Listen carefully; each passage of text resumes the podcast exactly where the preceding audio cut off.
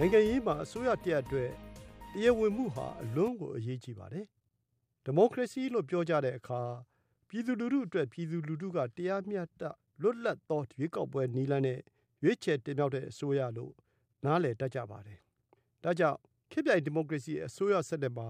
တရားဝင်ဖို့အတွက်ရွေးကောက်ပွဲကအဓိကကျပါတယ်။ဒါပေမဲ့ဒါနဲ့လည်းမလုံလောက်ပြန်ပါဘူး။ဒီမိုကရေစီသဘောအရတရားဝင်မှုကိုပြောတဲ့အခါမှာတော့ အဲဒီလို ပြည်သူက ရွေးချယ်တဲ့အစိုးရ ဖြစ်ရုံမက ပြည်သူလူထု ပါဝင်ဆုံးဖြတ်နိုင်တဲ့ အစိုးရစနစ် ခိုင်မာမခိုင်မာဆိုတဲ့ သဘောပါ ပါဝင်လာပါတယ်။ပြည်သူလူထုရဲ့ ဘဝတိုးတက်ရေးအတွက် ဖြစ်တာကြောင့် ပြည်သူလူထုကပဲ ဒီအုပ်ချုပ်ပုံမှာ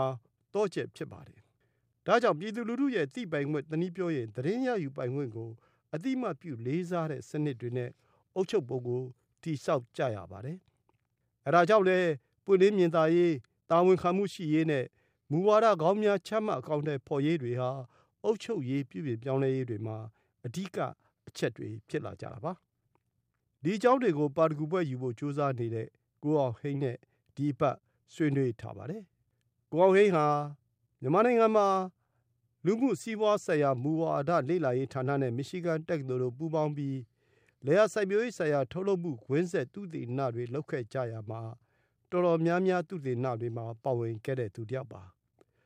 အခုခါမှာတော့အော့စလိုတက္ကသိုလ်မှာ ဆက်လက်လေ့လာနေပါတယ်။ကိုအောင်ဟိန်းကို ကျွန်တော် အခုလို စပြီးမေးကြည့်ပါတယ်။အဲ့တော့ ပထမဦးဆုံး ကိုအောင်ဟိန်းကို ကျွန်တော် စပြီးမေးချင်တာကတော့ ဒီမိုကရေစီနဲ့ အုပ်ချုပ်ရေးစနစ် ဒီမိုကရေစီကို အုပ်ချုပ်ရေးစနစ်က ဘယ်လို အထောက်ပံ့ပြုနိုင်တယ် ဘယ်လို အားနဲ့အောင် လုပ်နိုင်တယ်ဆိုတဲ့ အကြောင်းလေးနဲ့ ကျွန်တော်တို့ စကြည့်အောင်ပါ။ကိုအောင်ဟိန်း ပြောပြပါအောင် ဟုတ်ကဲ့ဆရာအဓိကတော့ဆရာခုနပြောလို့ပေါ့နော်ဒီဒီမိုကရေစီနဲ့အုပ်ချုပ်ရေးဆိုရင်ကျွန်တော်တို့နိုင်ငံတကာအဖွဲ့အစည်းတွေဖြစ်တဲ့ဥပမာဆိုပါစို့ဆရာ Council of Europe ဆိုရင်သူတို့ချမှတ်ထားတဲ့ Democratic Good Governance ပေါ့နော်ဆရာဒီ Senate ချက်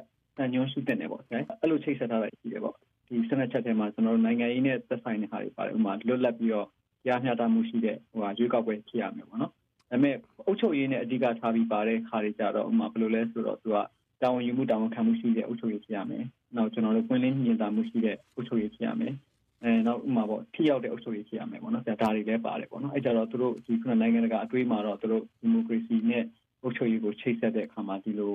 ဖြစ်တင်တယ်ဆိုတဲ့စံညွှန်းတွေတော့ချမှတ်ထားတာရှိတယ်။ဟုတ်ကဲ့။ဟုတ်ကဲ့။အဲ့ဒီအကြောင်းချက်လေးတွေကိုပဲကျွန်တော်တို့နည်းနည်းပို့ပြီးတော့ပေါ့နော်။အဓိကအချက်တွေပေါ့။ခုန12ချက်ထဲကအဲအဓိကကြတဲ့အချက်ကလေးတွေကိုပဲကျွန်တော်ပြန်သွားရအောင်ပေါ့နော်။ပထမဦးဆုံးပွင့်လင်းမြင်သာရေးဆိုတဲ့အကြောင်းချက်ကို မြန်မာနိုင်ငံမှာအုပ်ချုပ်ရေးပြုပြင်ပြောင်းလဲရေးလုပ်တဲ့အခါမှာလည်းနိုင်ငံတကာအဖွဲ့အစည်းတွေကအလေးပေးပြီးပြောကြတာရှိပါတယ်။ဘာကြောင့်အစိုးရအဖွဲ့တစ်ဖွဲ့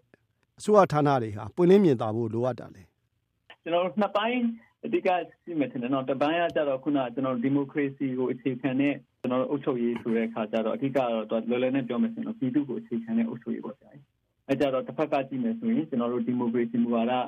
ဒီမိုကရေစီ principle တွေဘက်ကကြည့်မယ်ဆိုရင်တော့အာဏာကိုအလွဲသုံးစားပြုလုပ်ခြင်းမရှိအောင်ကျွန်တော်တို့ပွင့်လင်းမြင်သာမှုရှိတဲ့နယ်ပေါ့နောက်တစ်ခုကကြတော့အုပ်ချုပ်ရေးပိုင်းကကြည့်မယ်ဆိုရင်ကြတော့ကျွန်တော်ဘာလို့ပွင့်လင်းမြင်သာမှုရှိတဲ့နယ်ဆိုတော့သူကထိရောက်မှုရှိအောင်ပေါ့ဆရာနော်ဒီဘာဖြစ်လို့လဲဆိုတော့ခုနအထူးသဖြင့်ကျွန်တော်တို့ဟိုပြည်သူအနေနဲ့ပွင့်လင်းအုပ်ချုပ်တဲ့အခါမှာပွင့်လင်းမြင်သာမှုရှိမှသာလေပြည်သူအနေနဲ့ချမှတ်လိုက်တဲ့မူဝါဒတွေ ချမှတ်လိုက်တဲ့အကောင့်ထဲပေါ်လိုက်တဲ့စီမံကိန်းတွေဟာပြည်သူရဲ့တကယ်လိုအပ်ချက်ကိုထိထိရောက်ရောက်ဖြည့်ဆည်းနိုင်စွမ်းရှိမရှိပြည်သူအနေနဲ့ပြန်ပြီးအကဲဖြတ်နိုင်မှာဖြစ်တာပေါ့ဆရာနော်အဲ့ဒီအတွက်ကြောင့်အရေးပါတယ်လို့ကျွန်တော်တို့ထင်ပါတယ်ဟုတ်တယ်ဒီမိုကရေစီလို့ပြောတဲ့အခါမှာလည်းကျွန်တော်တို့ပြည်သူလူထုအတွက်ပြည်သူလူထုကတရားမျှတလွတ်လပ်တော်ရွေးကောက်ပွဲနီလန်းတွေနဲ့ရွေးချယ်တင်မြှောက်လိုက်တဲ့အစိုးရလို့ပြောကြတာကိုအဲ့တော့ပြည်သူလူထုစီကနေလာတဲ့ပြည်သူလူထုစီပြန်သွားမယ်ဆိုတော့ပြည်သူလူထုပါဝင်နိုင်ရေးပေါ့နော် ဒီသဘောအရပွင့်လင်းမြင်သာရေးကလည်းခုနကိုအောင်ဟိန်းပြောသွားသလိုအဓိကတော်တော်လေးအရေးကြီးပါတယ်တာဝန်ခံမှုနဲ့ပတ်သက်ပြီးတော့လေဒါနိုင်ငံတကာအဖွဲ့အစည်းတွေရောအုပ်ချုပ်ရေးပြုပြင်ပြောင်းလဲမှုတွေမှာပါတော်တော်များများပြောကြတာရှိတယ်အဲဘာကြောင့်လို့ကိုအောင်ဟိန်းပြောချင်ပါလဲဘာလို့တာဝန်ခံမှုပြောကြလဲဆိုတော့ပြည်သူပြည်သူကတာဝန်ပြည်သူကဆွဲပေးလိုက်တဲ့အာဏာကိုဒီအုပ်ချုပ်တဲ့လူတွေကနေအသုံးပြုကြတဲ့အခါမှာ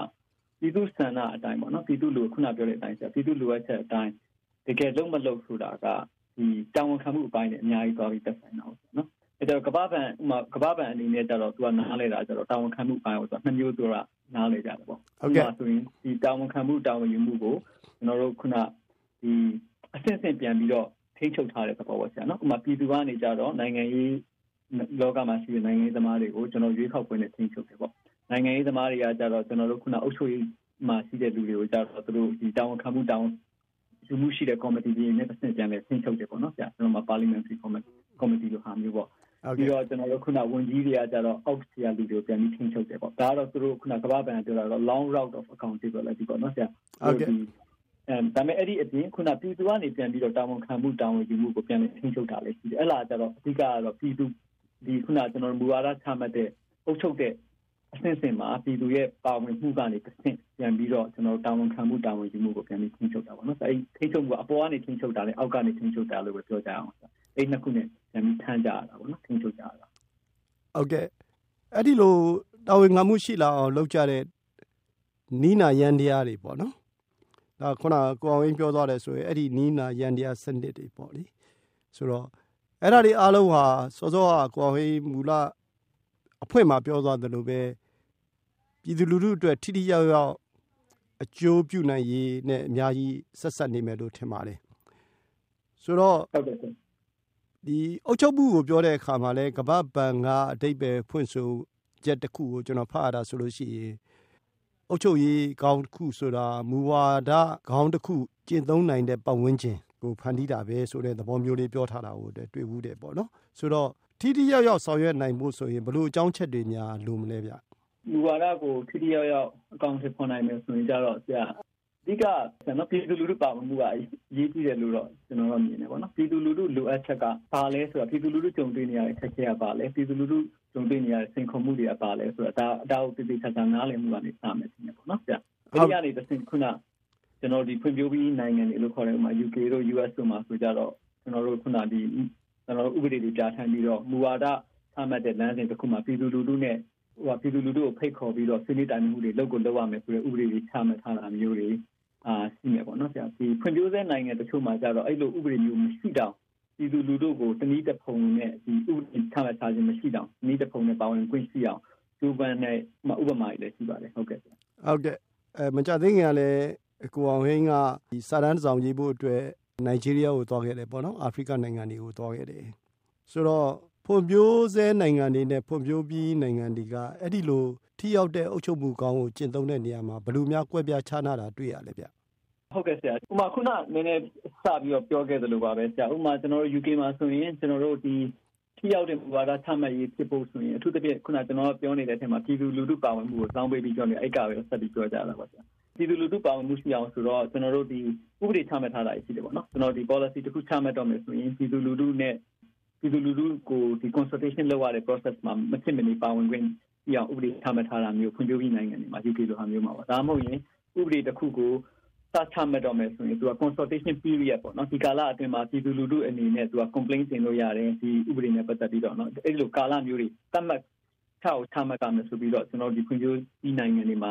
ချမှတ်ထားတာရှိရပေါ့နော်။ဥပမာဖွံ့ဖြိုးဆဲနိုင်ငံတွေမှာကြတော့သူကဆိုဆရာအိန္ဒိယလိုနိုင်ငံမျိုးမှာကြတော့တချို့စိတ်တွေမှာဆိုရင်သူက အောက်ခြေမှာရှိတဲ့ခုနဝန်ထမ်းတွေကအစားသူတို့ကဒီလူမှုအခြေခံတဲ့တခြားဖွဲ့စည်းကျွန်တော် CSO တွေခေါ်တာပေါ့နော် Civil Society Organization တွေကိုပါဝင်ခွင့်ရပြီးတော့သူတို့နဲ့ဆွေးနွေးတိုင်ပင်ပြီးတော့အာဒီကျွန်တော်တို့ဒီစီမံကိန်းတွေကိုဘယ်လိုအကောင့်တွေပေါ်ကြမယ်ကလေးတွေကိုဘယ်လိုပညာသင်ကြမယ်အာကျမကြီးဝန်ဆောင်မှုတွေကိုဘယ်လိုပေးကြမယ်ဆိုပြီးတော့ကျွန်တော်တို့ခုနဥပဒေမချမှတ်ထားတာတောင်မှဒီလူလူလူကိုတိုင်ပင်နဲ့ဒလိထုံးနှန်းစင်တာနဲ့တွားကြတဲ့အဖွဲ့တွေလည်းရှိပါတယ်ဆရာဥမာဒီရလိုဟာမျိုးမှာပေါ့ဟုတ်ကဲ့ဟိုနောက်ဆုံးမေးခွန်းလေးပါ အထူးသဖြင့်အုပ်ချုပ်မှုပြုပြင်ပြောင်းလဲရေးတွေကိုလုပ်ကြတဲ့အခါမှာပေါ့နော်အရင်တုန်းကတော့အဲ new public management ဆိုပြီးတော့ခေါ်တဲ့အများပြည်သူဆိုင်ရာစီမံခန့်ခွဲမှုသစ်ဆိုတဲ့အယူဆနဲ့ပြောင်းလဲလာကြတာရှိတယ်။ပမာအဖြစ်ဆိုရင်ပုဂ္ဂလိကကဏ္ဍမှာစီမံခန့်ခွဲသလိုနော်ဒီအစိုးရလုပ်ငန်းတွေမှာလည်းပုဂ္ဂလိကဆန်ဆန်စီမံခန့်ခွဲရေးကိုသွားမယ်ဆိုတဲ့ဟာတွေရှိတယ်။နောက်ပိုင်းမှာကြတော့အဲ citizen engagement ဆိုတဲ့နိုင်ငံသားတွေပါဝင်တဲ့နော်ပြုပြင်ပြောင်းလဲရေးတွေလှုပ်လာကြတာရှိတယ်။အဲ့တော့ ကဘာကြီးကဘလို့လမ်းကြောင်းမျိုးပေါ်မှာအုတ်ချုပ်ရေးပြုပြင်ပြောင်းလဲရေးနဲ့ပတ်သက်ပြီးသွားနေတာကိုတွေ့ရတယ်အာဟုတ်ဆရာပြောတာမှန်တယ်ဆရာခုနဒီလက်ရှိအရွေးကပေါ့နော်ကျွန်တော်ကျွန်တော်နားလဲတလောက်ကတော့ခုနဆရာပြောခဲ့သလိုပဲအရင်တော့ကကြတော့သူကဒီ1990ပိုင်းတွေမှာဒီပုဂ္ဂလိကဆန်နဲ့အုပ်ချုပ်ရေးပုံစံမျိုးနဲ့တွားကြရအောင်ဆိုပြီးတော့လုပ်ကြတာရှိတယ်ပေါ့နော်အတိုင်းအတာတစ်ခုတစ်ခုမအောင်မြင်တာရှိမအောင်မြင်တဲ့အခါအလားလည်းဘာလို့လဲဆိုတော့အခုကျွန်တော်နေတဲ့ကဘာကရှိနေတဲ့ပြဿနာတွေက အဖွဲ့အစည်းတစ်ခုတည်းကဖြေရှင်းလို့မရတဲ့ပြဿနာတွေအများကြီးရှိလာတာပဲပါတာပေါ့နော်ဆရာပြီးတော့ရှုပ်ထွေးတဲ့ပြဿနာတွေပါလာတာအဲကြတော့အရွေးအနေနဲ့ကတော့ဖြစ်နိုင်တာပို့ပြီးတော့ပူပေါင်းပါဝင်ပြီးတော့ဆောင်ရွက်ကြတာပေါ့အဖွဲ့အစည်းအစိုးရအထင်မှာပဲဖြစ်ဖြစ်အစိုးရအဖွဲ့အစည်းနှစ်ခုပေါင်းပြီးတော့ပြဿနာဖြေရှင်းတဲ့ဟာမျိုးတွေဒါမှမဟုတ်ရင်ဒီအစိုးရအဖွဲ့အစည်းတွေနဲ့ကျွန်တော်ပုဂ္ဂလိကဒီစီးပွားရေးဖွဲ့စည်းတွေပဲဖြစ်ဖြစ်ကျွန်တော်တို့ပြည်သူလူထုတွေခေတ်ကခုနပြောခဲ့တဲ့ civil society organization တွေနဲ့ဖြစ်ဖြစ်ဖြစ်ဖြစ်ဒီပူးပေါင်းပြီးတော့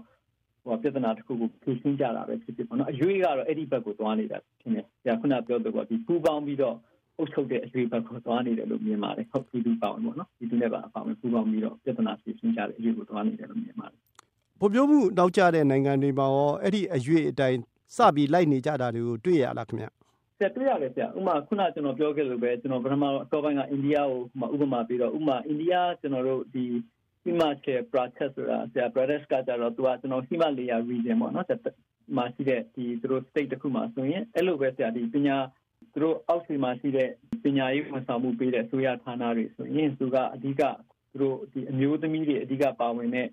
အဖွဲ့အစည်းတွေဖွဲ့ထားတဲ့အောက်ခြေအဖွဲ့အစည်းတွေကိုသူတို့ကတိုင်မင်တာတွေဟိုကလေးတွေဘယ်လိုပညာသင်ကြမလဲပေါ့နော်ကျောင်းတွေကိုဘယ်နေရာမှာစောက်တင်လဲပေါ့ကျောင်းချိန်တွေကိုဘယ်လိုနေရာတွေမှာ